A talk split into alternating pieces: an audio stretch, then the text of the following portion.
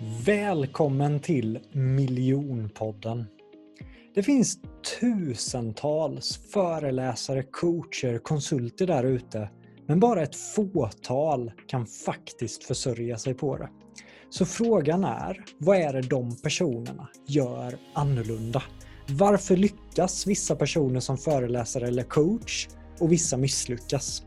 Det jag vill beröra i den här podden, det är det affärsmässiga med att vara en föreläsare, coach eller frilansare. Hur säljer man in sina tjänster? Hur paketerar man sitt erbjudande? Hur ska man marknadsföra sig själv? Hur ska man approacha sig själv i sociala medier? Hur bygger man varumärke? Detta och mycket, mycket mer kommer jag intervjua några av Sveriges främsta experter inom området. Jag själv, Jonathan Ljungqvist, har 10 års erfarenhet från att jobba i den här branschen och jag har också jobbat för och med några av världens främsta coacher. Så att jag är så taggad och inspirerad att ge dig som sitter här och lyssnar hemligheterna bakom det affärsmässiga med att lyckas som föreläsare, coach eller frilansare. Nu kör vi igång! Välkommen till dagens avsnitt. Idag har jag med Alexandra Melli Engvall. Och du vet när du kan se på en person och du bara vet i magen att den här personen kommer lyckas. Den här personen kommer nå vad som helst. Det var så jag kände en av de första gångerna som jag träffade Alexandra. Och det som är väldigt, väldigt spännande med Alexandra story som föreläsare och coach, det är hur otroligt snabbt hon har brutit igenom i den här branschen. Så att hon gick på ett år att omsätta ungefär 200 000 till att senaste året har det exploderat och hon har gjort över en miljon som föreläsare coach. Coachar, VDar från miljardbolag, är anlitad, är ute i Sverige och turnerar och inspirerar en väldigt god vän till mig också. Så det är verkligen en fantastiskt god ära att få ha med Alexandra Melli Engvall som också är nominerad när jag kör min kurs, miljonkursen, som årets kursare. Varmt, varmt välkommen Alexandra! Tack, tack snälla Jonathan. Vilket intro. Jag, blev så, jag var så rös här i stolen. Wow, Tack snälla. Det är fantastiskt roligt att få vara här med dig. Eh, du är en, en otrolig människa eh, med hjärtat på rätta stället. Och, nej men det är väl med de människorna man vill vara med, tror jag. Jag vill det i alla fall. Eh, så tack snälla för att jag fick komma och gästa dig, Jonathan. Nu blir jag ju rörd när du passar tillbaka. Ja. Tack så jättemycket Alexandra.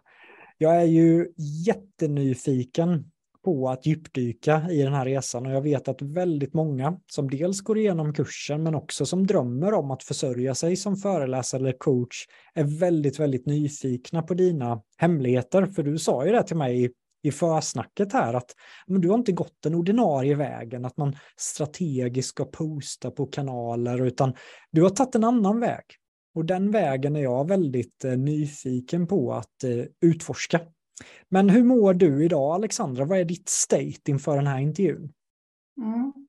Alltså mitt state är att eh, jag mår faktiskt väldigt, väldigt bra med tanke på att jag har ett extremt högt tempo. Jag, har, jag tror jag har 16 föreläsningar nu på typ 32-33 dagar, vilket gör att jag måste ligga på topp eh, hela tiden. För det vet ju du också när man ska gå in på scen, när man ska stå inför folk, man, eh, man behöver vara men man behöver vara närvarande eh, med människor. Man vill ju inte göra fel, man vill inte säga fel saker för att man har ju liksom allas blickar på sig hela tiden.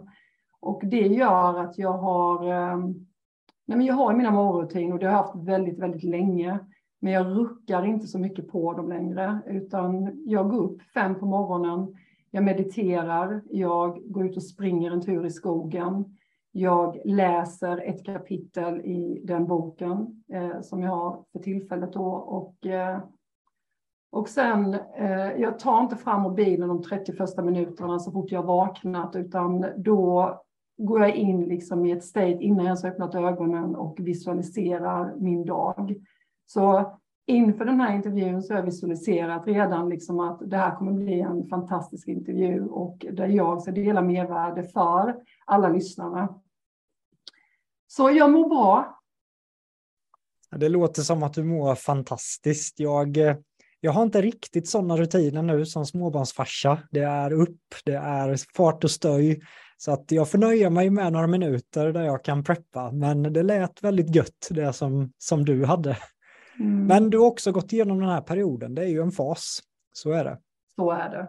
Visst är det så. Och alla faser har ju liksom sina motgångar och medgångar. Alltså, och det handlar ju om att, att utnyttja det på rätt sätt. Eh, eh, men framför allt att vara ett med sig själv och vara kongruent med sig själv liksom och, och se sig själv utifrån den sanningen som faktiskt är. Och då har man de bästa förutsättningarna för att skapa det man vill ha i livet. När bestämde du dig för att, för jag vet att du har förflutet inom försäljning, att du har jobbat med det tidigare, även när du mm. inte var föreläsare eller coach. Men när bestämde du dig för att, nej men jag vill stå på scener, jag vill föreläsa, jag vill inspirera, jag vill coacha? Mm. Alltså den vägen var absolut inte klar för min del. Jag är en person som har alltid haft väldigt starka mål och målbilder. Men ja men du vet, när man gick i skolan och man skulle gå upp och jag var den som sjukanmälde mig varenda gång och väntade in i det sista när jag var tvungen att göra det. Och då harklade jag mig fram typ. Ehm, och det var ingen härlig upplevelse och de säger ju det att det är ju den största rädslan för de flesta människor att stå och gå upp på en scen. Men eh, mitt varför är starkare än den rädslan. Så att det har ändå funnits den här känslan av att jag vill hjälpa människor. Jag vill hjälpa människor att nå sin potential. Det är mitt varför. Och eh, när jag då började coacha så var det ju det det handlade om. Jag vill hjälpa så många som möjligt. Och när jag då insåg att ja, men jag kan bara hjälpa en och en när jag coachar. Eh, det blev liksom nej men det blev för lite och då, in, då insåg jag att nej men jag måste upp på scenen. Alltså jag måste upp och försöka komma ut till så många som möjligt. Och då, då blev den målbilden så stark för mig så att jag kände bara att nej men jag måste utsätta mig. Jag måste gå utanför min comfort zone. Och jag har ju liksom ett jag har ett förflutet som hockeymamma eh, och jag är en hockeymamma där jag har drivit på mina barn alltid att gå utanför sin comfort zone. Så det vore väldigt märkligt om jag står där då och själv inte gör det som jag har uppmanat dem till att göra. Så det var bara så där, slänga sig ut för stupet, det får bära eller brista, jag ska bara göra. Och som säljare, eh, den där vinnarmentaliteten har jag nog alltid haft med mig tror jag. Att du vet att det finns inga hinder, utan hinder skapar vi själva. Så att det handlar bara om att ta för sig, gör, för gör du inte det så kommer någon annan göra det åt dig. Och då får de del av den framgången som du borde ha. Så att här handlar det om liksom att verkligen inte se konkurrenter som konkurrenter, utan mer ser att det här är min scen, oavsett vilken scen det handlar om, oavsett om det är inom sälj eller om det är coach eller om det är att stå på en scen och faktiskt föreläsa. Just det.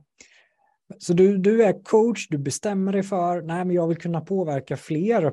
Under mitt första avsnitt i den här podden så intervjuade jag Erik Bergström och han gick tillväga via skolor, han satte upp affischer, han gjorde gratis föreläsningar. Hur, hur kom du in och fick för, köra dina första gig? Var det gratis föreläsningar eller var det betalda direkt? Hur var den processen? Mm. Eh, då använde jag sociala medier. Jag bestämde mig för att jag ska posta någonting varje dag, någonting av ett värde helt enkelt. Eh, så det gjorde jag. Samtidigt så efter några veckor så tror jag jag gjorde en tävling. Jag eh, gav bort fem stycken coachningar till fem helt random personer. Då. Så jag, gjorde, jag skapade en tävling på Instagram på Facebook där det innebar att de skulle då dela Eh, de skulle lajka, de skulle skriva någonting och de skulle dela, för jag ville ju ha liksom den här integrationen liksom med från alla håll och kanter. Ehm, och målet med det var ju att alla de här som vann tävlingen, de skulle också bli, jag skulle sälja vidare, alltså mer coachningar till dem. Så det fanns ju fortfarande ett mål med det. Inte bara att, att eh, liksom de skulle få det och sen var det bra, utan målet var att skapa en så bra session som möjligt och sen att de skulle vilja fortsätta.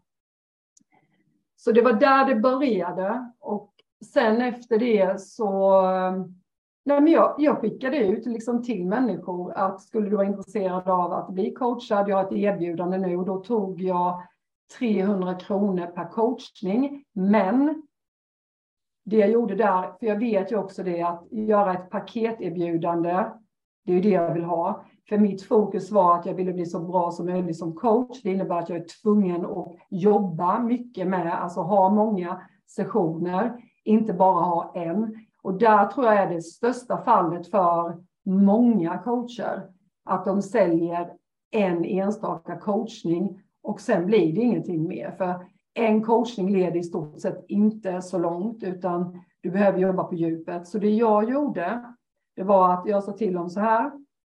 Jag jobbar inte med enstaka coachningar. Om det är det du vill ha, så det är klart att du kan få det. Men jag jobbar tre månader.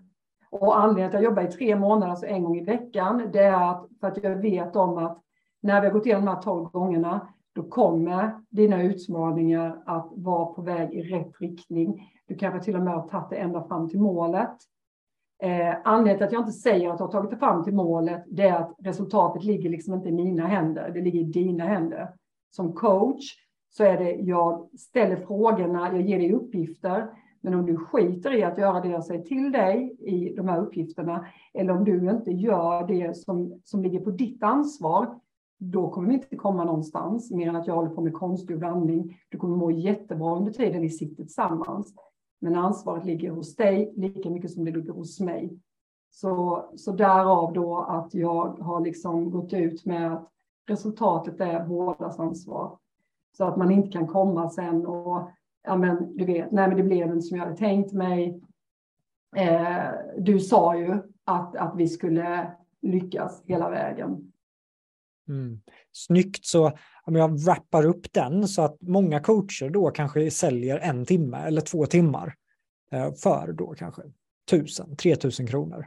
Men du istället säljer in ett mycket större paket, ett mycket dyrare, mycket mer långsiktigt paket. Mm. Gjorde du det även tidigt i karriären? För det låter ju som värsta strategin eh, som kräver... Jag gjorde det från dag ett. Dag vad, vad, var det som inspirerade till att sälja i mer paketpris på det sättet? Därför att jag har varit säljare.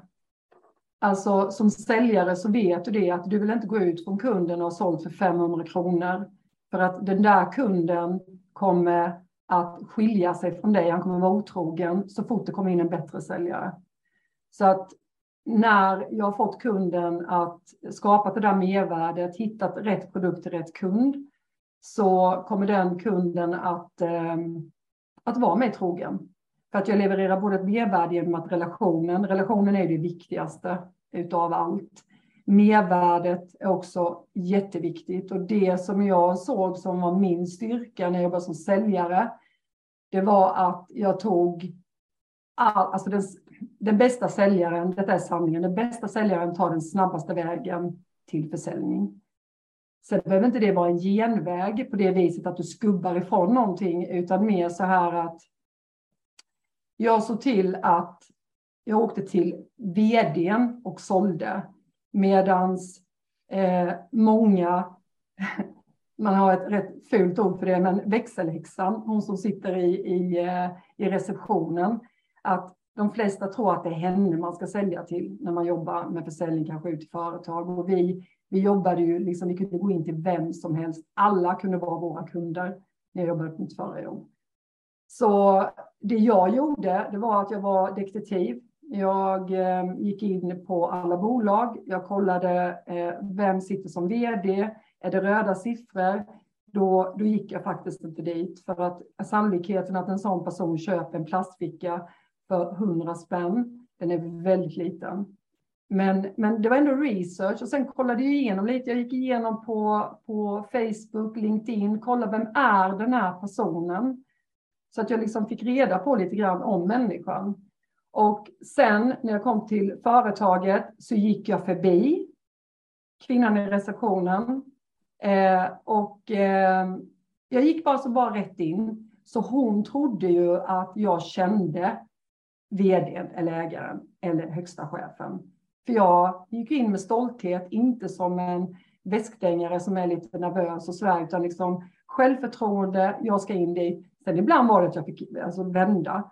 Men då visste jag liksom att nej men du, det är Anders Olsson jag söker, han är inte på plats. Har du bokat tid? Nej, det har jag inte, men jag tänkte jag skulle bara titta in till honom. Okej, okay, nej men han är inte här. Nej men vad bra, då kommer jag in en annan dag eller jag ringer honom. För jag menar, all information finns ju på nätet idag, så är det. Så att samma sak där då, liksom som coach, att det handlar om liksom att, att ta sig till rätt person eh, från början. Och, och alltså, jag tänker Jonathan, jag tänker alltid att det är ett hav fullt med fiskar. Och, och havet är fullt. Alltså det är inte halvfullt och det är inte en guldfisk utan alla är fiskar. Och där är skadade fiskar, det är trötta fiskar, det är uttorkade fiskar. Så att min uppgift är att få dem att blomma ut, att nå sin fullaste potential genom min hjälp. Jag är den som ska få dem att vara den alertaste fisken, den snabbaste fisken, den friska fisken. Alltså är du med jag mm. tänker? Du bara smattrar värde här nu. Och jag känner att min roll i den här intervjun är att verkligen se till att alla förstår storheten i det du säger. Mm. Så först sa du att eh, det absolut viktigaste är relation och mervärde. Mm. Så som föreläsare eller coach, vad menar du med mervärdesaspekten om man säljer in sina tjänster? Mm. Det innebär att när jag sitter med en klient så ger jag allt. Alltså jag ger, jag ger inte 50 procent, jag tänker att jag måste skapa någonting till nästa gång så att det finns någonting kvar. Utan jag ger allt. Allt det den personen behöver just nu. Och energin är ju det viktigaste. För som coach eller som föreläsare så behöver du ha energi, för människor connectar med energi. Vi består av celler och cellerna finns i allt i, runt omkring oss. I träden, i, i våra kroppar, i blommorna, i växterna, i allt. Så att om jag nu ska connecta och skapa ett mervärde så måste jag energimässigt höja mig själv och sen måste jag plocka upp klienten på samma energinivå. Publiken behöver jag plocka upp till samma energinivå så att jag måste ge 100 procent av mig själv i det. Och när jag gör det då, när jag fått upp klienten eller, eller de här eh, publiken, så kommer jag ju också själv få tillbaka. Så att det är inte bara att jag ger, jag får ju också. Just det. Eh, så det är ju att, att skapa mervärde, att, att ge utan att tänka att du ska ta igen någonting. Alltså det måste vara villkorslöst, som det är i alla relationer. Mm. Oavsett om du lever med, med, med Amanda hemma, så ska inte du tänka så här att om, nej men nu, nu måste jag få någonting tillbaka innan jag kan vara den bästa mannen. Utan ge, ge, ge och någonstans i, på den resan, oavsett om det är klienten eller din familj eller om det är till eh, publiken, så kommer det hända någonting. Det, det, gör det med automatik. Du behöver inte fundera på det, utan det kommer hända någonting. Den, så... Eh, den tar jag med mig jättemycket, Alexandra, för jag kan, när jag kör min eh, miljonkurs för föreläsare och coacher så har jag mitt VIP-program.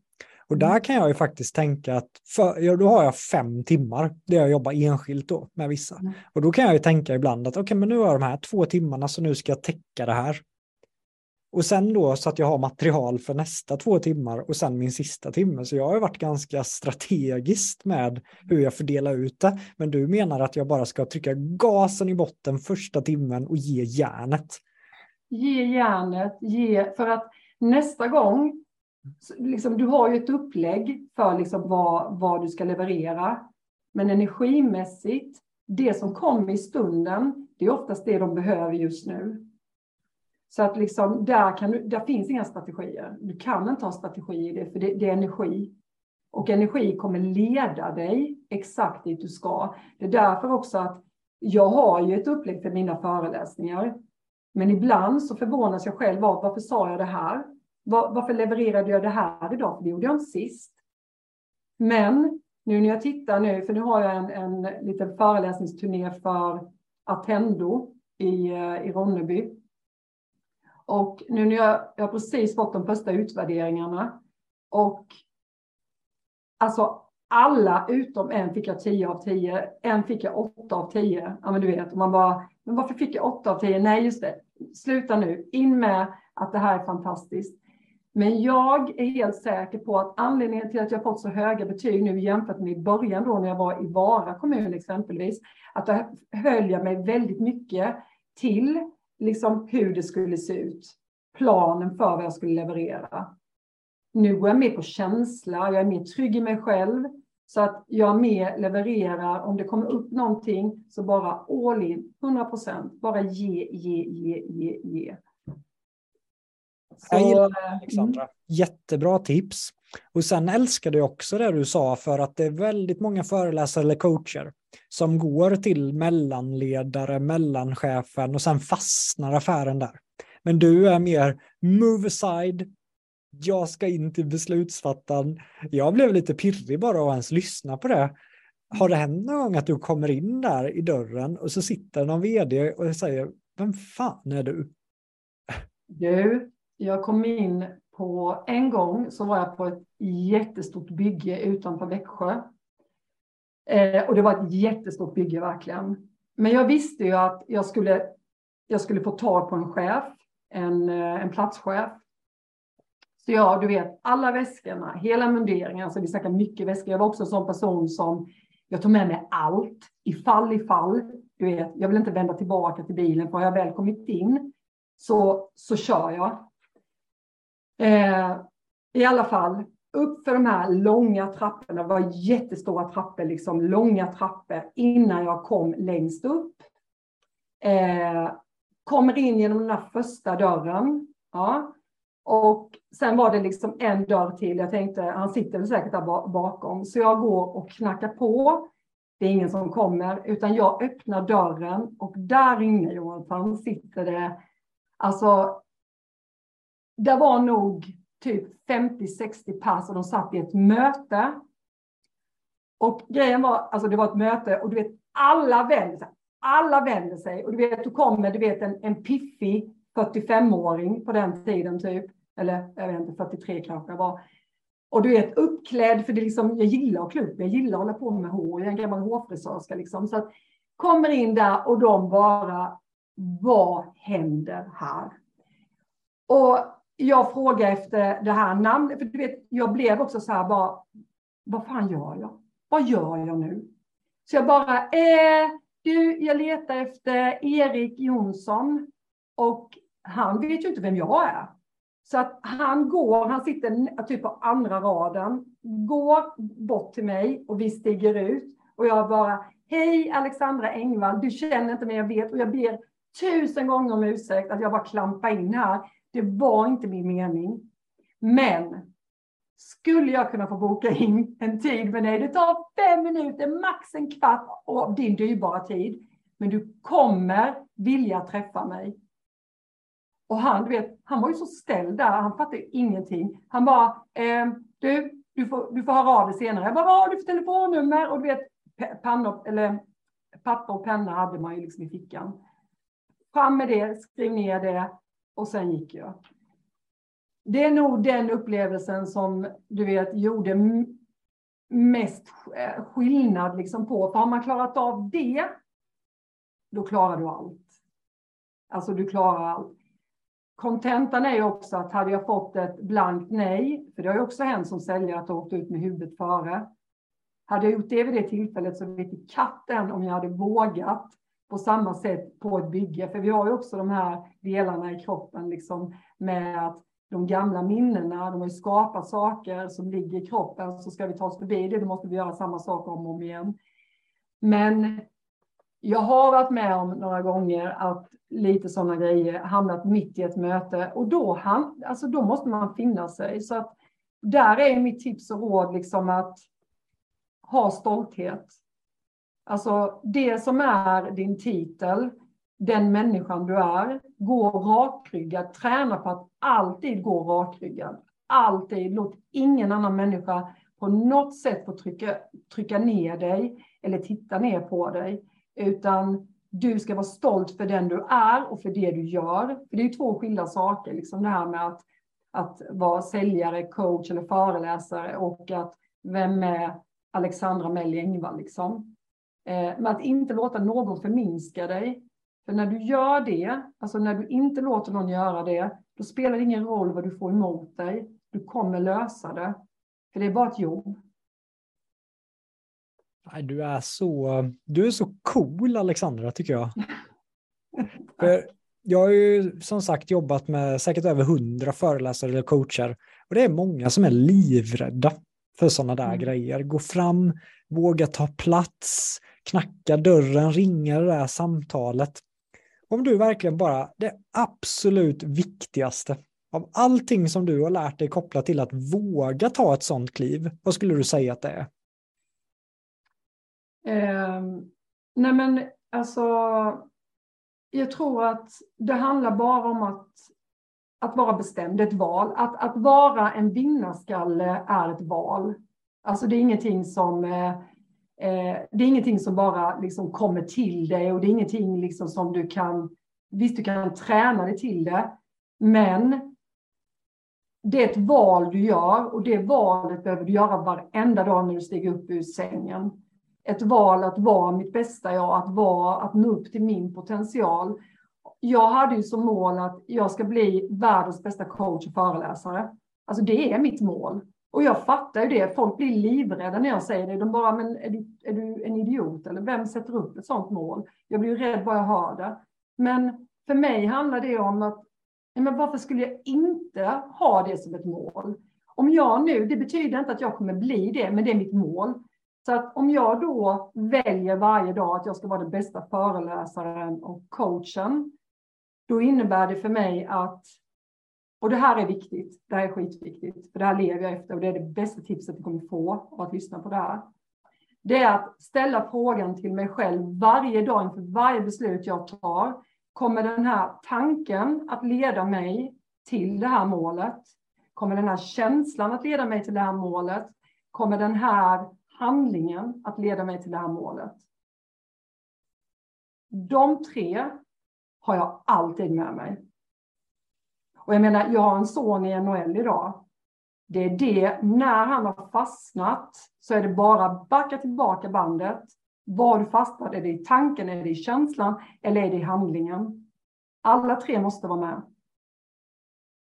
Jag tar anteckningar här. Det är därför jag, det är det jag älskar med den här podden. Det är också för min egen skull. för, för det här är det, det, är det roligaste jag vet. Det är att lära mig saker och just nu smattrar det värde ur dig Alexandra. Jag hade detta på känn att det här är ett ämne där du verkligen briljerar i. Och det jag gillar ändå för jag vet att du har lyssnat på några av mina andra avsnitt. Vi haft eh, till exempel Mikael Lindnord. Han mm. pratar ju väldigt likadant med att faktiskt prata högt om att, ja men varför inte? Våga gå ut med att säga att du ska bli störst i Hollywood. Våga säga det, för det skapar ju sån hype också. Mm. Så där kände du en viss relatering till Mikael där, Alexandra? Mm. Men han pratade också idrott och lite sådär och han tog upp det här med sin, sin dotter när hon skulle simma, att liksom man behöver göra man behöver också göra någonting för att få någonting. Och liksom återigen, det är energi, det är energiförflyttningar. Och just det här liksom att, att sätta ben på sina mål. Alltså de kan inte bara stå stilla, du kan inte stå stilla. Du måste göra förflyttningar i hela ditt mindset för att ta dig dit du vill. Det är så vi funkar som människor. Eh, vi behöver utveckling. Vi tror inte alltid att vi behöver det, för det är väldigt skönt att ligga kvar i soffan. Eh, det är väldigt skönt att ta den där godispåsen. Eh, min man är ju egenföretagare och liksom i, i mars månad bestämde jag mig för att jag ska inte äta godis mer, för jag vet om att sockret är inte bra för min kropp. Eh, och det, har inte, det hjälper inte mig framåt. Så återigen, är den här handlingen bra för att jag ska bli världens bästa föreläsare och coach? Nej, det är den inte. Eh, och då säger min man så här, fattar inte du klarar det. För att han är skåpätare och det är någonting som, eh, som jag hörde för rätt så många år sedan att människor som tar väldigt mycket beslut varje dag, som är chefer, när de kommer hem så släpper de manteln och då orkar de inte ta mer beslut. Så då är det lätt hänt att man tar till flaskan, att man tar till godiset, att man tar till de här lätta belöningarna, får den där dopaminkicken och sen sitter man då och trycker ner sig själv. Men varför gjorde jag det här? Varför tog jag till det där whiskyglaset? Du vet, när det blir en, två, tre glas kanske på kvällarna eller ett glas vin. Eller så min man då, han plöjer. Han plöjer chokladskåpet och han tar allt som finns, allt godis han hittar. Och det, det, kan han göra än idag. Men han har också en kropp som, som reder ut det. Han tränar eh, en gång om dagen. Han har lätt för att bygga musklerna, lätt liksom för att eh, men, för att låta det här sockret försvinna i kroppen. Men det är fortfarande en handling som sitter och gnager i ens bakhuvud hela tiden. Att varför gjorde jag det? Nu kunde jag inte sova ordentligt för jag fick den här kicken. Så att vi liksom ställa de här frågorna till oss själva. Den, eh, den tar jag verkligen med mig också. Det är, eh, det är så lätt att ligga på en hög frekvens, komma hem, eh, bryta mot eh, reglerna. Så är det ju. Cola Zero är ju min jäkel. Brorsan sa det att ja, men Cola Zero, det är inga socker, inga kalorier, helt fantastiskt. Vi var i Kroatien och jag tog en, sen blev jag fast. Men eh, jag får jobba på den. Men Alexander, vi har mycket kvar att täcka. Eh, bara kort, kortfattat summering också kopplat till att nå beslutsfattare. Där gillar jag att du faktiskt kollar på alla bolag också. Kollar hur bolagen mår. Är det röda siffror? Ja, men då kanske inte är värt energin, tiden att åka dit. Så att du verkligen diskvalificerar vilka du lägger din energi på. Den gillade jag jättemycket också. Säljer in paket. Redan nu känns som ett mastigt avsnitt för folk att ta in, men vi är ju knappt halvvägs. Mm. Vi hoppar vidare in till egentligen 2021, Alexandra, när det börjar ta fart. Du, det var ju en ära att ha dig på, på min utbildning, Alexandra. Vad, vad, vad hände under den utbildningen och eh, hur tog du dig vidare sen på egen hand? Mm. Nej men alltså, jag hade inga förväntningar. Eh, jag visste ju lite vem du var eh, sen tidigare. Men hade inte så mycket förväntningar och jag vet att jag stod, du skrev till mig när vi var i Kroatien på semester. Eh, och jag, nej men jag var lite sådär, bara ska jag, ska jag inte, men, men behöver jag det här nu? eller bara prokrastinerar jag för att inte du vet, göra det jag ska? Eh, det är lätt, jag är ju en person som behöver utveckling hela tiden. Så jag stod där liksom och bara ska jag, ska jag inte. Men sen var det ju någonting som, ja men också en ren känsla tror jag, som gjorde att jag tackade ja. Eh, men absolut inga förväntningar. Och jag, jag tror inte heller att jag lever inte så mycket med förväntningar på det jag gör eller det som händer, utan jag har förväntningar istället på att livet kommer leverera det jag behöver. Alltså jag har tillit till den processen. Så mina förväntningar ligger liksom mer på ett, på ett större plan i livet. Vilket innebär att jag funderar inte så mycket. Utan det gör ju också att när jag kom då till din, till din eh, kurs eh, på Huggs herrgård så kändes det väldigt, väldigt lugnt, harmoniskt inom mig. Eh, sen när vi väl satte oss så, jag vet inte, någonting hände ju eh, med oss alla. För man såg ju verkligen liksom att shit alltså, vad är det han har skapat för någonting? Eh, vi skulle gå fram och sätta oss och berätta vår story liksom och, och människor kunde direkt också öppna upp fullt ut så att tårarna rann. Man, vet, alla känslorna var på plats. Eller inte på plats, jag vet inte vad jag ska säga. Eh, sminket var inte på plats i alla fall, det kan jag säga.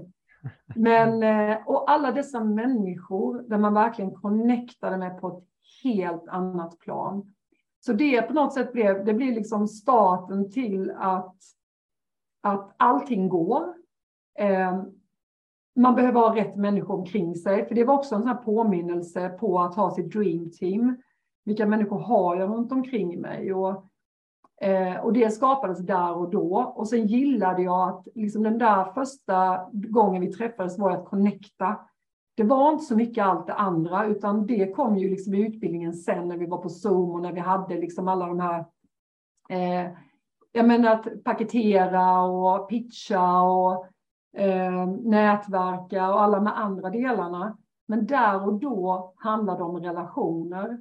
Och det, det, det var fantastiskt. Eh, och det skapade ju liksom starten för någonting större för mig. Och jag är helt säker för alla andra, för alla var ju liksom så nöjda med utbildningen och eh, dagen helt enkelt. Så det var där det började någonstans, liksom just den här kanske Ja, men jag hade vetat innan att jag vill stå på de stora scenerna, men där på något sätt så fick jag liksom ett fäste, för jag är ju en person som också behöver ha start. Alltså att bara liksom försätta mig i en riktning.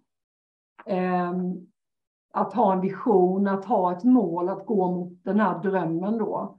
Så det började där liksom och då var jag ändå i full gång med coachningarna, men inte så mycket föreläsningar. Jag hade ju lite föreläsningar. Jag hade liksom eh, jobbat en hel del inom idrotten då. Men jag kände väl att jag inte hade, jag hade ingen struktur i det jag levererade. Eh, de här frågeställningarna som man, liksom, som man fick med sig i utbildningen, alltså själva grunden. Eh, och det har jag liksom då implementerat mer liksom i föreläsningen. Jag är fortfarande inte, jag är absolut inte riktigt där än. Men för mig visar det också liksom att det behöver du inte vara. Du behöver inte ha allting hemma. Alla hästarna behöver inte vara i stallet. Liksom. Och jag kommer ihåg när du enbart körde där på Hooks herrgård när vi var där i gruppen och när du körde din story så kommer jag ihåg att jag frågade gruppen hur många här kan se Alexandra stå på den största och de största scenerna i Sverige. Och det var som att alla kollade på dig och alla räckte upp handen och det var som att alla kände samma sak, att här har vi en person som troligen kommer dominera i branschen. Ja, vad kul. Ja, ja, tack. Tack snälla. Men eh, där fick du incitament, du fick nätverk, du fick lite verktyg. Så mm. efter kursen, för det är där du verkligen börjar få in stora kunder. Vad gjorde du konkret efter kunden? Jag vet att du nästan fick in en halv miljon på en affär. Hur mm. gick du till vidare sen för att göra din första miljon?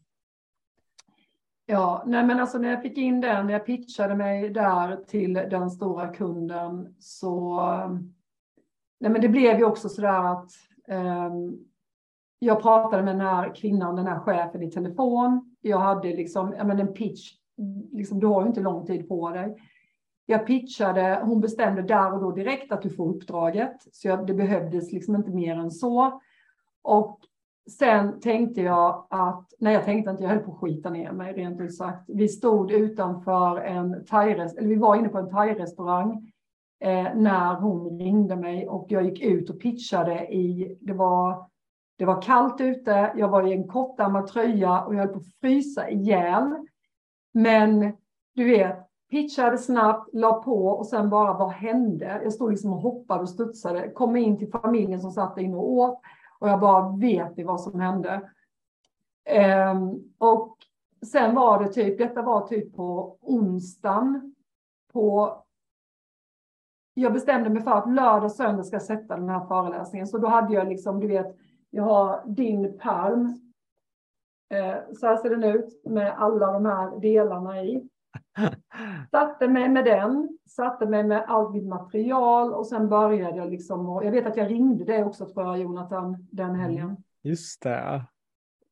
Eh, och, eh, och sen var jag bara så här, det får bära eller brista, jag kan inte göra mer än så här. Och sen började då, jag vet att jag hade den första föreläsningen med alla sjuksköterskor.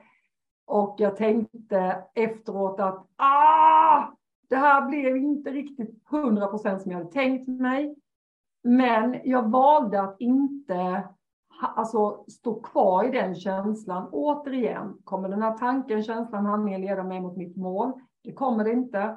Förändra känslan, förändra tanken. Vad kan jag utveckla till imorgon? när jag har nästa grupp. Så kvällen hade jag till, sa till familjen att jag kan inte prata i telefon nu, jag måste jobba. Satte mig ner, gjorde det bättre och så blev det med den vara. Alltså jag hade, jag tror jag hade 20, 20-22 föreläsningar. 22 föreläsningar. Vi mm. måste ändå pausa här Alexandra. För det mm. första, hur fick du möjligheten att dra en pitch till en beslutsfattare som kan köpa in dig som föreläsare för flera hundratusen? Hur fick du den? Jag fick den genom att jag fick höra att eh, de behövde en föreläsare. Eh, så det var en vän till mig som sa det och, eh, och då högg jag direkt på den. Alltså jag ringde direkt. Eh, och eh, ja, men på den vägen är det. Och också lite det här att Nej, men, alltså, jag pratade innan om det här med tillit och alltså förväntningar. Tillit skapas ju av att du har en tro på att världen är med dig och inte emot dig. Att inte gå in i den här känslan av att jag kan inte, eh, det kommer inte funka, jag har inte tron på mig själv, eh, nej men jag är inte duktig, utan mer så här att jag kan, jag vill och jag ska. Det, är liksom, det finns ingenting annat. Och när, om jag bara visar universum att jag vill det här och jag ger inte upp. Jag bara, jag bara fortsätter att skapa den här känslan av att jag bara går framåt. Jag kommer aldrig någonsin ge mig. Ingenting på den här vägen ska få trycka ner mig. Det spelar ingen roll vad det är, utan jag ska bara gå.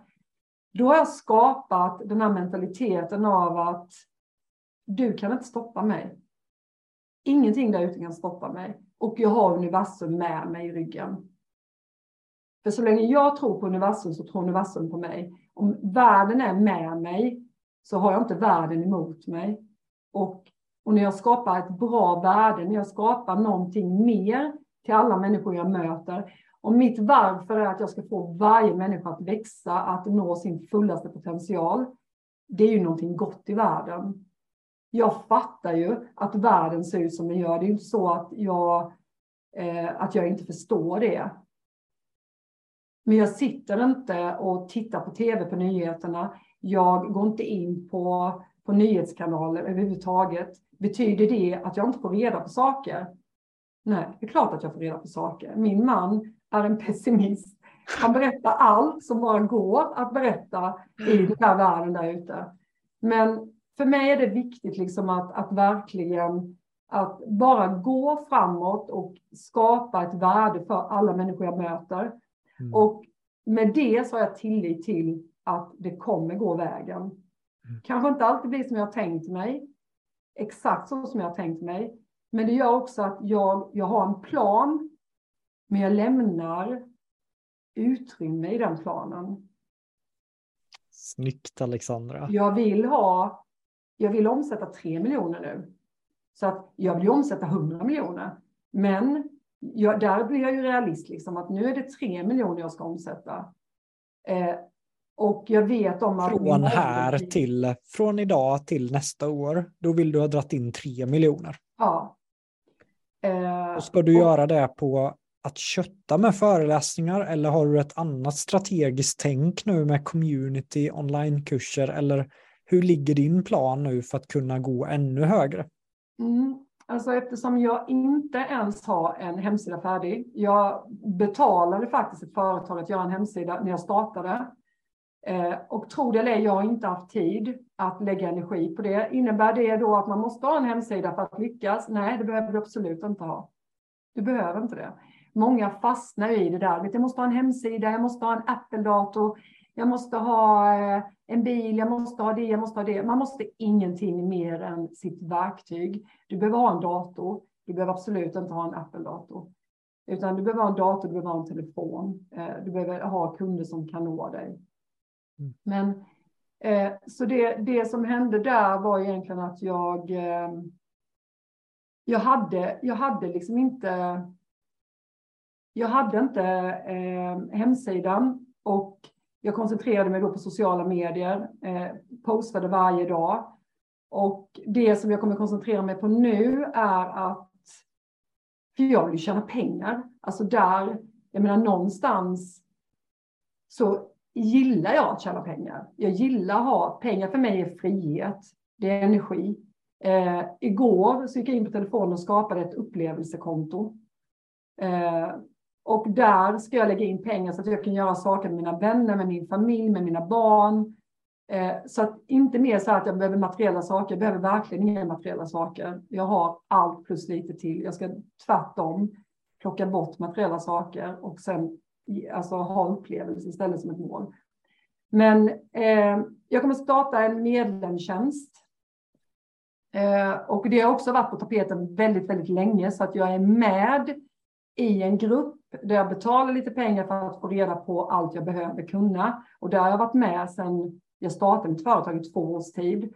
Så att jag har definitivt allt jag behöver veta och kunna för att starta det. Eh, så där kommer jag ha Eh, för eh, både privatpersoner, jag kommer ha för entreprenörer och jag kommer ha för idrottare.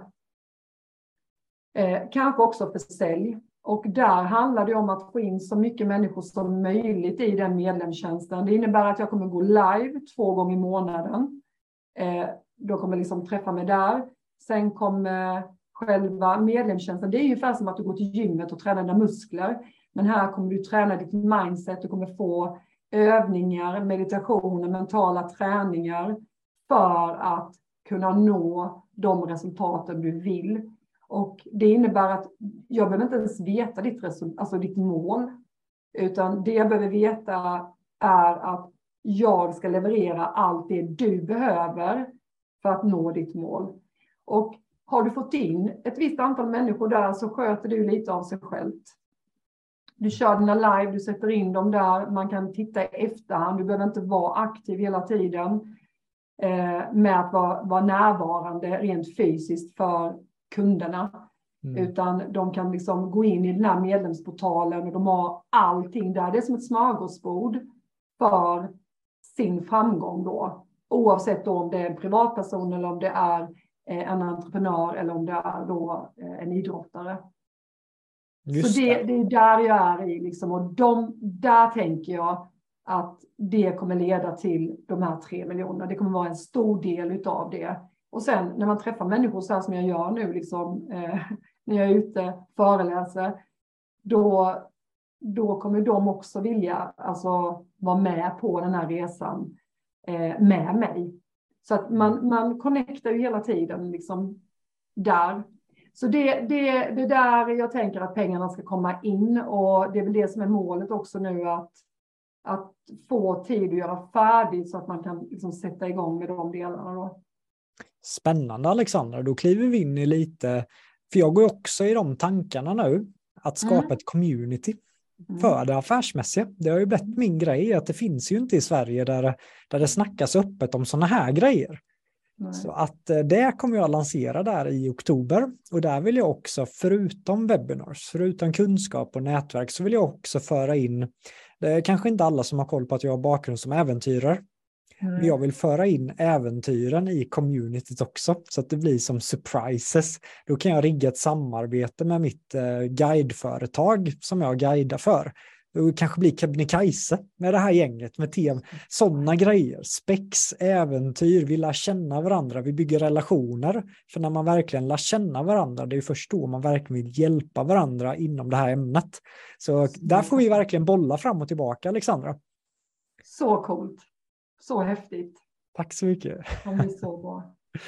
Men eh, inspirerande, tre miljoner går du på. Det tog ju ändå mig lång tid att göra min första miljon. Eh, mm. Och sen att gå från en till 2,4 kommer jag nog göra i år ungefär. Det tog också rätt lång tid. Det känns som att du går fram så otroligt snabbt. Mm. Om det är någonting jag, jag tog in dig som gästföreläsare för mina grupper och det jag tog med mig mest där, det var det du sa, gör någonting varje dag som rör det affärsmässiga. Någonting. Det räcker med att du testar ringa, behöver inte ens ha svarat. Skicka det där mejlet, gör någonting. Mm. Den tog jag med mig. Vart kommer den ifrån och hur kan man applicera den som föreläsare eller coach? Eh, nej men den kom ifrån, alltså min, jag har jobbat som säljare i 13 år och alltså min... Jag har ju den där vinnarskallen, alltså det finns ju ingenting annat i... Alltså mina drivkrafter har jag rent naturligt, om vi säger så. Alltså de finns där redan från början. Så att eh, återigen det här att den bästa säljaren tar den snabbaste vägen. Alltså den bästa säljaren är den lataste säljaren egentligen, rent logiskt så är den det. Den pallar inte ha de där hindren som återkommer hela, hela tiden, utan den eh, plocka bort hindren. Vilka hinder kan jag eh, få på den här resan? Och då innebär det också liksom att dina action eh, behöver ju också, du behöver göra så pass mycket saker på, mot det här målet. Och som vi säger nu då att om jag vill ha mer klienter så måste jag ju också ta kontakt med mer människor. Eh, jag behöver ha mer kvalitet på de klienterna jag har. Så att jag kan liksom inte bara, du vet, bara avverka klienter, utan resultatet är ju jätteviktigt eh, när man jobbar med människor, när man jobbar som coach och när man jobbar som föreläsare. Att liksom det här mervärdet kommer också skapa mer mervärde. Och eh, som jag har sagt tidigare här nu när vi har spelat in också, att jag jobbar ju med energi. Alltså, jag pratar ju energi och känslor rätt mycket, eh, vilket gör att jag tror på energi. Eh, jag har alltid gjort det. Jag har fått det med mig sedan jag var en liten flicka, att energi kan få mig att ta riktning. Och på något sätt har jag bara energin i rullning så händer det saker. Har jag dessutom lagt på de här sakerna mot mitt mål då, att jag plockar med tanke, känsla, handling i det här, så kommer det hända saker.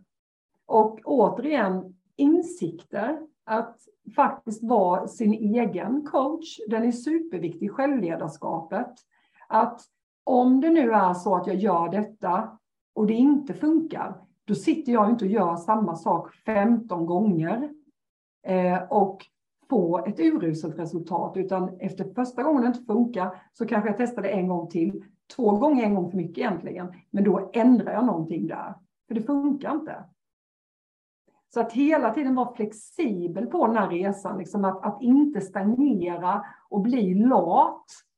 Eh, för latheten, det är det som står i vägen för oss. Jag är ledsen att säga det, men människor är lata. Eh, de orkar inte.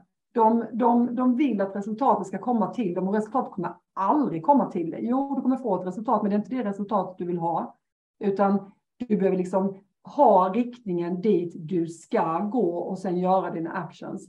Så om det då handlar då om att som säljare, så det som jag, jag tror att jag var liksom verkligen på topp med det, att alltid prata referenser. Alltid prata referenser. Det var inte många gånger jag gick ut från en kund utan att ha bett om typ så här. Men du, Oskar, eh, nu har du handlat de här produkterna av mig. Eh, du kommer få så bra resultat när du börjar jobba med dem. Finns det någon i din omgivning som skulle kunna ha nytta av samma produkter eller någonting av det andra som jag har visat? Och då kanske Oskar känner så här bara, äh, du vet, han är redan på, på väg till ett lunchmöte, så han bara, nej men du, eh, kan... Och där stoppar jag honom. Men du Oskar, bara lite snabbt så här, vilka har du här runt omkring dig i grannskapet? Är det någon jag kan gå in och bara säga hej till? Ja, jo, men du kan gå in till eh, Eva där inne. Eh, de jobbar med, med markentreprenad. Gå in till dem så, eh, så, så testa där. Ja, men du, jag såg ju att eh, Sweco var här inne. Känner du någon där inne? Ja, Erik är där. Hälsa på mig. Så att liksom att be om referenser handlar inte bara om att be om det. Det handlar om vilket sätt du ber dem. När jag bad så, så sa jag så här, du, det här är ingen lätt bransch. Du vet ju själv med väskstängare. Du vet, många gånger får du liksom eh, dörren intryckt i ansiktet. Så jag skulle så uppskatta om du skulle kunna ge mig några referenser. Mm. Och sen i nästa skede så får du hjälpa kunden. Du får ju fortsätta ställa frågor så att de öppnar upp. För att när de står där, de är färdiga med mötet med dig, de är på väg in i ett annat möte. Du vet ju själv hur det är. Man är redan där. Så att då måste du plocka tillbaka kunden till nuet, här och nu, tillbaka här och sen leda dem in till det du vill ha. människor är hjälpsamma av naturen. Vi har det genuint i oss. Så det handlar bara om att öppna upp den ådran, liksom att öppna famnen och sen ge dig in där. Och sen tacka så otroligt mycket. Och sen så skickade man med en liten present eller så nästa gång man var i området så köpte man bullar och lämnade in som tack. Och när man, när man jobbar så, jag vet att jag gjorde så, jag gjorde typ en referenskarta. Eh, bara för att liksom påminna mig själv om hur mycket pengar har den här kunden inbringat genom att ge referenser. Så att då kunde det vara så här att eh, vi säger då Anna, hon köpte för 20 000. Men jag fick fem referenser av Anna. Då gjorde jag liksom ett träd, du vet, liksom, byggde upp på de här referenskartan då. Och i det här trädet då kunde jag se att okej, okay, av de här fem kunderna så hade jag två kryss. De köpte ingenting, men den ena av dem gav mig referenser fast de inte köpte. Så jag fick ändå referenser. Det kan ju vara så att de har inköpsstopp, det funkar inte och så vidare. Det, kan, det finns ju anledningar ibland till varför kunden inte handlar. Och de resterande tre, den ena handlade för 25 000, den andra handlade för 5 och den tredje handlade för 17 och 3. Sen bygger du vidare på de benen. Så den här kunden då från början har sen bidragit till 332 000. Alltså är du med? Ja, och det där trädet bara fortsätter ju. Ja, det är nej, fantastiskt. Jag försöker applicera det. Ja, kan jag känna igen det just med att sälja föreläsning och coachning och just i den här världen eftersom många... Det är klart du kan. Ja, ja men exakt. Och det jag tänkte direkt på var ju Runhager. Mm. Marcus Runhager. Mm. Han eh, då skulle gå min kurs och sen helt plötsligt så jag frågade honom jag för mig, känner du några du tycker borde gå min kurs, Marcus? Och Marcus sa, ja, ja, ja, Elin, Sara, jag tror han sålde in säkert 14-15 kursplatser. Så det trädet bara, och sen började de som han hade sålt in, sålde in det, så det blev som bara en massiv träd. Men just att jobba så strategiskt med det, det och att våga be om det, påminner ju om det du pratade om i början när du gick förbi receptionisten, att verkligen, om någon säger nej jag vet, men, men, men om du får säga någon, snälla. För det, mm. man svarar ju verkligen om man får ett mejl och man blir siad med en person man känner som siar dig med en annan, då är ju oddsen mycket högre att man tar kontakt där än om man får ett e-mail helt random. Verkligen. Riktigt. Var det, ju... var det så mycket du jobbade för att inte bara knyta den här hundratusentals dealen utan var det så du sen byggde vidare framförallt under 2021? Alltså till saken hör, det här är lite intressant. Det var inte så jag gjorde. Jag har inte hunnit att göra så, så mycket utan jag har koncentrerat mig på att göra det bästa för mina klienter och eftersom jag har fått in väldigt mycket entreprenörer så driver de i bolag. Eh, och då har de i sin tur sedan anlitat mig till sina företag. Jag gjorde så med Attendo däremot, för det var en gammal kund till mig. Eh, henne ringde jag ju till och sen har jag ju fått referenser utav henne, så nu har jag precis eh, jag har precis fått in Attendo i Växjö nu istället, tre föreläsningar. Så liksom, det funkar ju att göra som jag har inte hunnit, utan jag har koncentrerat mig på att skapa mervärde. Jag har fått in de här entreprenörerna in i soffan här hos mig. Eh, jag, alltså det finns ju fortfarande föreläsningar eller klienter som jag har tagit där jag inte har tagit så mycket betalt. När man jobbar med föreningar, där finns inte mycket pengar. Eh, men jag brinner ju väldigt mycket för ungdomar som, eh, som, som tränar, som håller på med idrott eftersom jag själv har barn som håller på. Vilket har gjort att jag eh, tog mig an eh, Värnamo volleybollklubb under den här perioden också. Och det var inte jättemycket pengar, men det skapade ju rubriker när jag började coacha dem. De var i elitserien, men de har aldrig gjort så bra resultat som sen jag kom dit. Vilket gjorde att de har ju sina sponsorer, referenser, Mm. Eh, de sponsorerna hörde jag av mig till. Eh, inte alla, för det har jag inte hunnit, men, men du förstår själva kontentan av det. Mm. Liksom just det här med att nätverka, att, att eh, connecta med människor. Så det är så, och helt plötsligt då så spelade det ingen roll att jag inte fick in de där pengarna. Eh, för att pengarna kom in på ett annat sätt istället. Mm. Så, ja, men den, är, eh, den är superkraftig Alexandra och det, ja, du säger så mycket bra grejer där jag själv plockar upp. Jätte, jag vill ta in dig som föreläsare igen till mina grupper. Det finns ju ja. över 15 000 föreläsare i Sverige och många jag träffar säger till mig att men sälj det är fult. Pengar, nej men det ska man inte prata. Ehm, jag fokuserar enbart på att bli en bra coach och sen kommer kunderna komma flygande till mig. Vad, vad skulle du säga till en sån person, Alexandra? Eh, nej men alltså, jag, jag säger alltid gör jobbet. Alltså gör jobbet. Alltså vi människor eh, Alltså vi människor är rädda för att våra män eller kvinnor ska bedra oss. Men det vi behöver vara rädda för det är att bedra oss själva. Alltså att, att inte vara sann mot sig själv. För att som coach så vet ju det också, eh, Jonathan, att människor, ja men de vill jättemycket. Men de är inte sanna mot sig själva i att vilja att nå sitt mål, att nå sin dröm. Eh, man, man hittar de där övertygelserna, de där begränsade övertygelserna som står i vägen för dem. Och jag säger inte att man, jag säger inte att de, att de ljuger alltid för sig själva. De är inte medvetna om vad det är de behöver göra för någonting och vilka sanningar de behöver ta sig förbi. Så att jag skulle vilja säga så här, ja, du kanske tror att du gör allt det du ska för att nå ditt mål. Men om du inte har nått ditt mål då är det någonting du inte har gjort. Mm. Alltså då är det någonting på din, eh, på din resa som du inte har gjort. Och jag menar, någonstans för mig handlar det om att när jag började med de här morgonrutinerna, från början så var det inte så att jag gjorde med kontinuitet.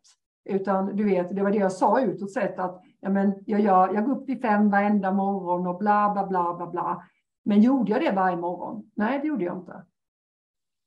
Så att när jag började göra det med kontinuitet, när jag började liksom, du vet, det här är den viktigaste tidpunkten på hela dagen. Den här, där jag fyller på mig själv med energi. Du vet ju själv liksom att om, om du ska gå och köpa en cykel, eh, eller cykel var, om du ska köpa ett hus säger vi, så kanske du behöver låna pengar. Du kanske inte har de där sex miljonerna. Du kanske har hundra, eh, eller du kan ha en miljon. Du behöver låna fem miljoner. Ja, men då går du till banken, du lånar pengarna. Men energi kan du inte låna, för då blir du en energitjuv. Det som är speciellt med energi, eh, det är att du måste sätta in energi i din energibank. Så du måste alltså gå in med kapitalet och sätta in det innan du kan använda det. Det innebär att om jag nu bara ger och ger och ger och ger och ger hela dagarna. Jag åker och jag föreläser, jag coachar och jag fyller inte på mig själv med energi. Tror du att mina föreläsningar och mina coachningar kommer bli jättebra? Förmodligen Nej. inte. Nej. Nej. Nej men Så... det jätte, jätteviktigt att tänka på sin energi som coach, för det har ju också, desto mer man kan ge, desto mer värde, desto högre resultat och desto mer kan man ta. Eh, klockan tickar ju, jag får helt enkelt ta in dig en annan gång igen. Jag har några sista frågor Ja. Eh, och en av dem är, finns det någon bok som du skulle rekommendera till de som lyssnar som på något sätt Eh, kan vara att du har lärt delar av det du har pratat om under det här avsnittet. Har du lärt dig det någonstans? Vart finns källor som man kan lära sig mer om försäljning på det här sättet eller marknadsföring eller din livsfilosofi med energier och allt? Alltså grejen är så här att jag skulle kunna Alltså jag har en popcornhjärna. Jag läser jättemycket hela tiden. Så jag skulle, jag, jag kan nog inte säga något konkret. Alltså jag, jag säger så här, jag säger Anthony Robbins. Eh, mm. Eh, anledningen till att jag gör det, eh, jag har boken där uppe, Väck jätten inom dig. Eh, men jag skulle vilja säga honom, han var inte min favorit från början. Jag gillade inte hans energi, om jag ska vara helt ärlig. Jag tyckte att han var för gå för skrikig. Han var för mycket helt enkelt. Eh, men det var också, du vet, det var ju en, ett dömande. Mina värderingar gick in liksom utifrån vad jag hade sett. Så att där fick jag backa tillbaka och helt enkelt bara ge han en chans, ge han en ärlig chans. Och när jag gjorde det så helt plötsligt så insåg jag att wow. Och jag menar, om jag nu vill bli världens bästa coach, föreläsare, då behöver jag också ha någon som en förebild som, som har gjort resan innan mig. Så att jag har någon att se upp till, någonting som jag verkligen kan liksom titta tillbaka och titta upp mot. Eh, så att han, jag skulle vilja säga de flesta böcker med honom. Just nu läser jag en bok som heter Släpp själen fri. Eh, som jag rekommenderar starkt. Eh, den har verkligen gjort skillnad redan. Och det är Michael A. Singer. Och den handlar ju om våra tankar, hur de begränsar oss, Eh, hur vi tror på saker utan att tro, eh, utan att, nej men du vet när man bara blir överöst liksom med eh, de här samhällets värderingar och det skapar, liksom, det stagnerar oss, det gör att vi liksom säckar ihop och förminskar oss själva. Eh, så den, den boken rekommenderar jag definitivt. Och sen eh, Nej men alltså Simon Sinek, alltså han är en favorit. Så att, och han pratar ju om det här med ditt varför och, och de här bitarna. Mm. Så att nej men det viktigaste tror jag är att man inte bara är i de här, jag har ju pratat väldigt mycket om att du vet att du ska ta stegen, att du ska gå framåt, att du ska vara i action, sätta ben på dina drömmar. Men det är lika viktigt att med din själ, att du liksom, att du är din egen bästa vän. Eh, för det jag såg när jag var som säljare, jag, nådde, jag, var, jag hade fantastiska resultat. Jag tjänade liksom mycket pengar som säljare och jag jobbade knappt någonting. Eh, det var det de sista åren så jag behövde inte jobba så mycket. Jag gjorde en deal med mina chefer att jag, jag jobbar två dagar i veckan. Jag vill kunna åka eh, och resa när jag vill och göra vad jag vill. Jag vill inte att någon håller tillbaka mig. Jag tjänade jättemycket pengar. Men det jag började se där var att jag måste ju må bra under tiden. Eh, och det är nog det, liksom, det jag vill ge till alla som lyssnar. Att det är så viktigt att du är din egen bästa vän på den här resan. Att du fyller på dig själv med energi. Att du tittar på vad är det jag tycker om att göra. Eh, om människor som är utbrända, om du har varit hos en bra läkare så kommer läkaren inte skriva ut medicin det första han gör, utan han kommer säga så här. Vad är det du har slutat att göra som du gjorde när du var yngre, i din mm. ungdom eller kanske för något år sedan? Vad är det du har slutat att göra som du har älskat att göra? Så gå tillbaka till vad är det jag slutat? Du kanske tecknade, du kanske målade, du kanske var ute i naturen, du kanske umgicks mer med dina vänner.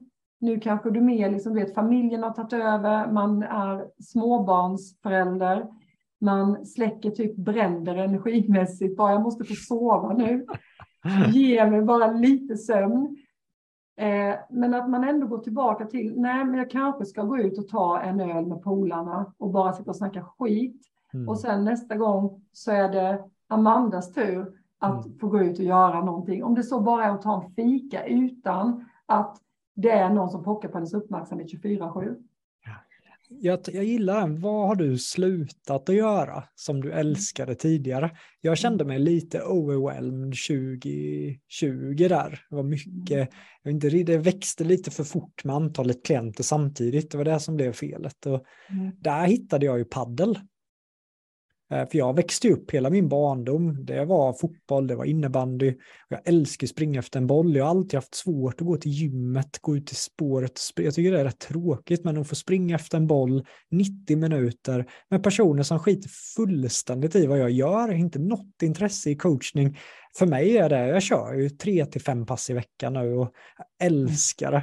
Det kommer nog bli återkommande i den här podden. Jag har ju berättat om min lilla paddelsatsning nu några ja. gånger. Men, men den eh, kom till mig direkt. Och också när du säger Anthony Robbins, det är ju ett namn som säkerligen kommer dyka upp många gånger i den här podden. För att enligt mig så är han den bästa i världen. Mm. Och han är, jag tror han är 63 nu eller 62 och han gick ut att han har inga tankar på att pensionera sig.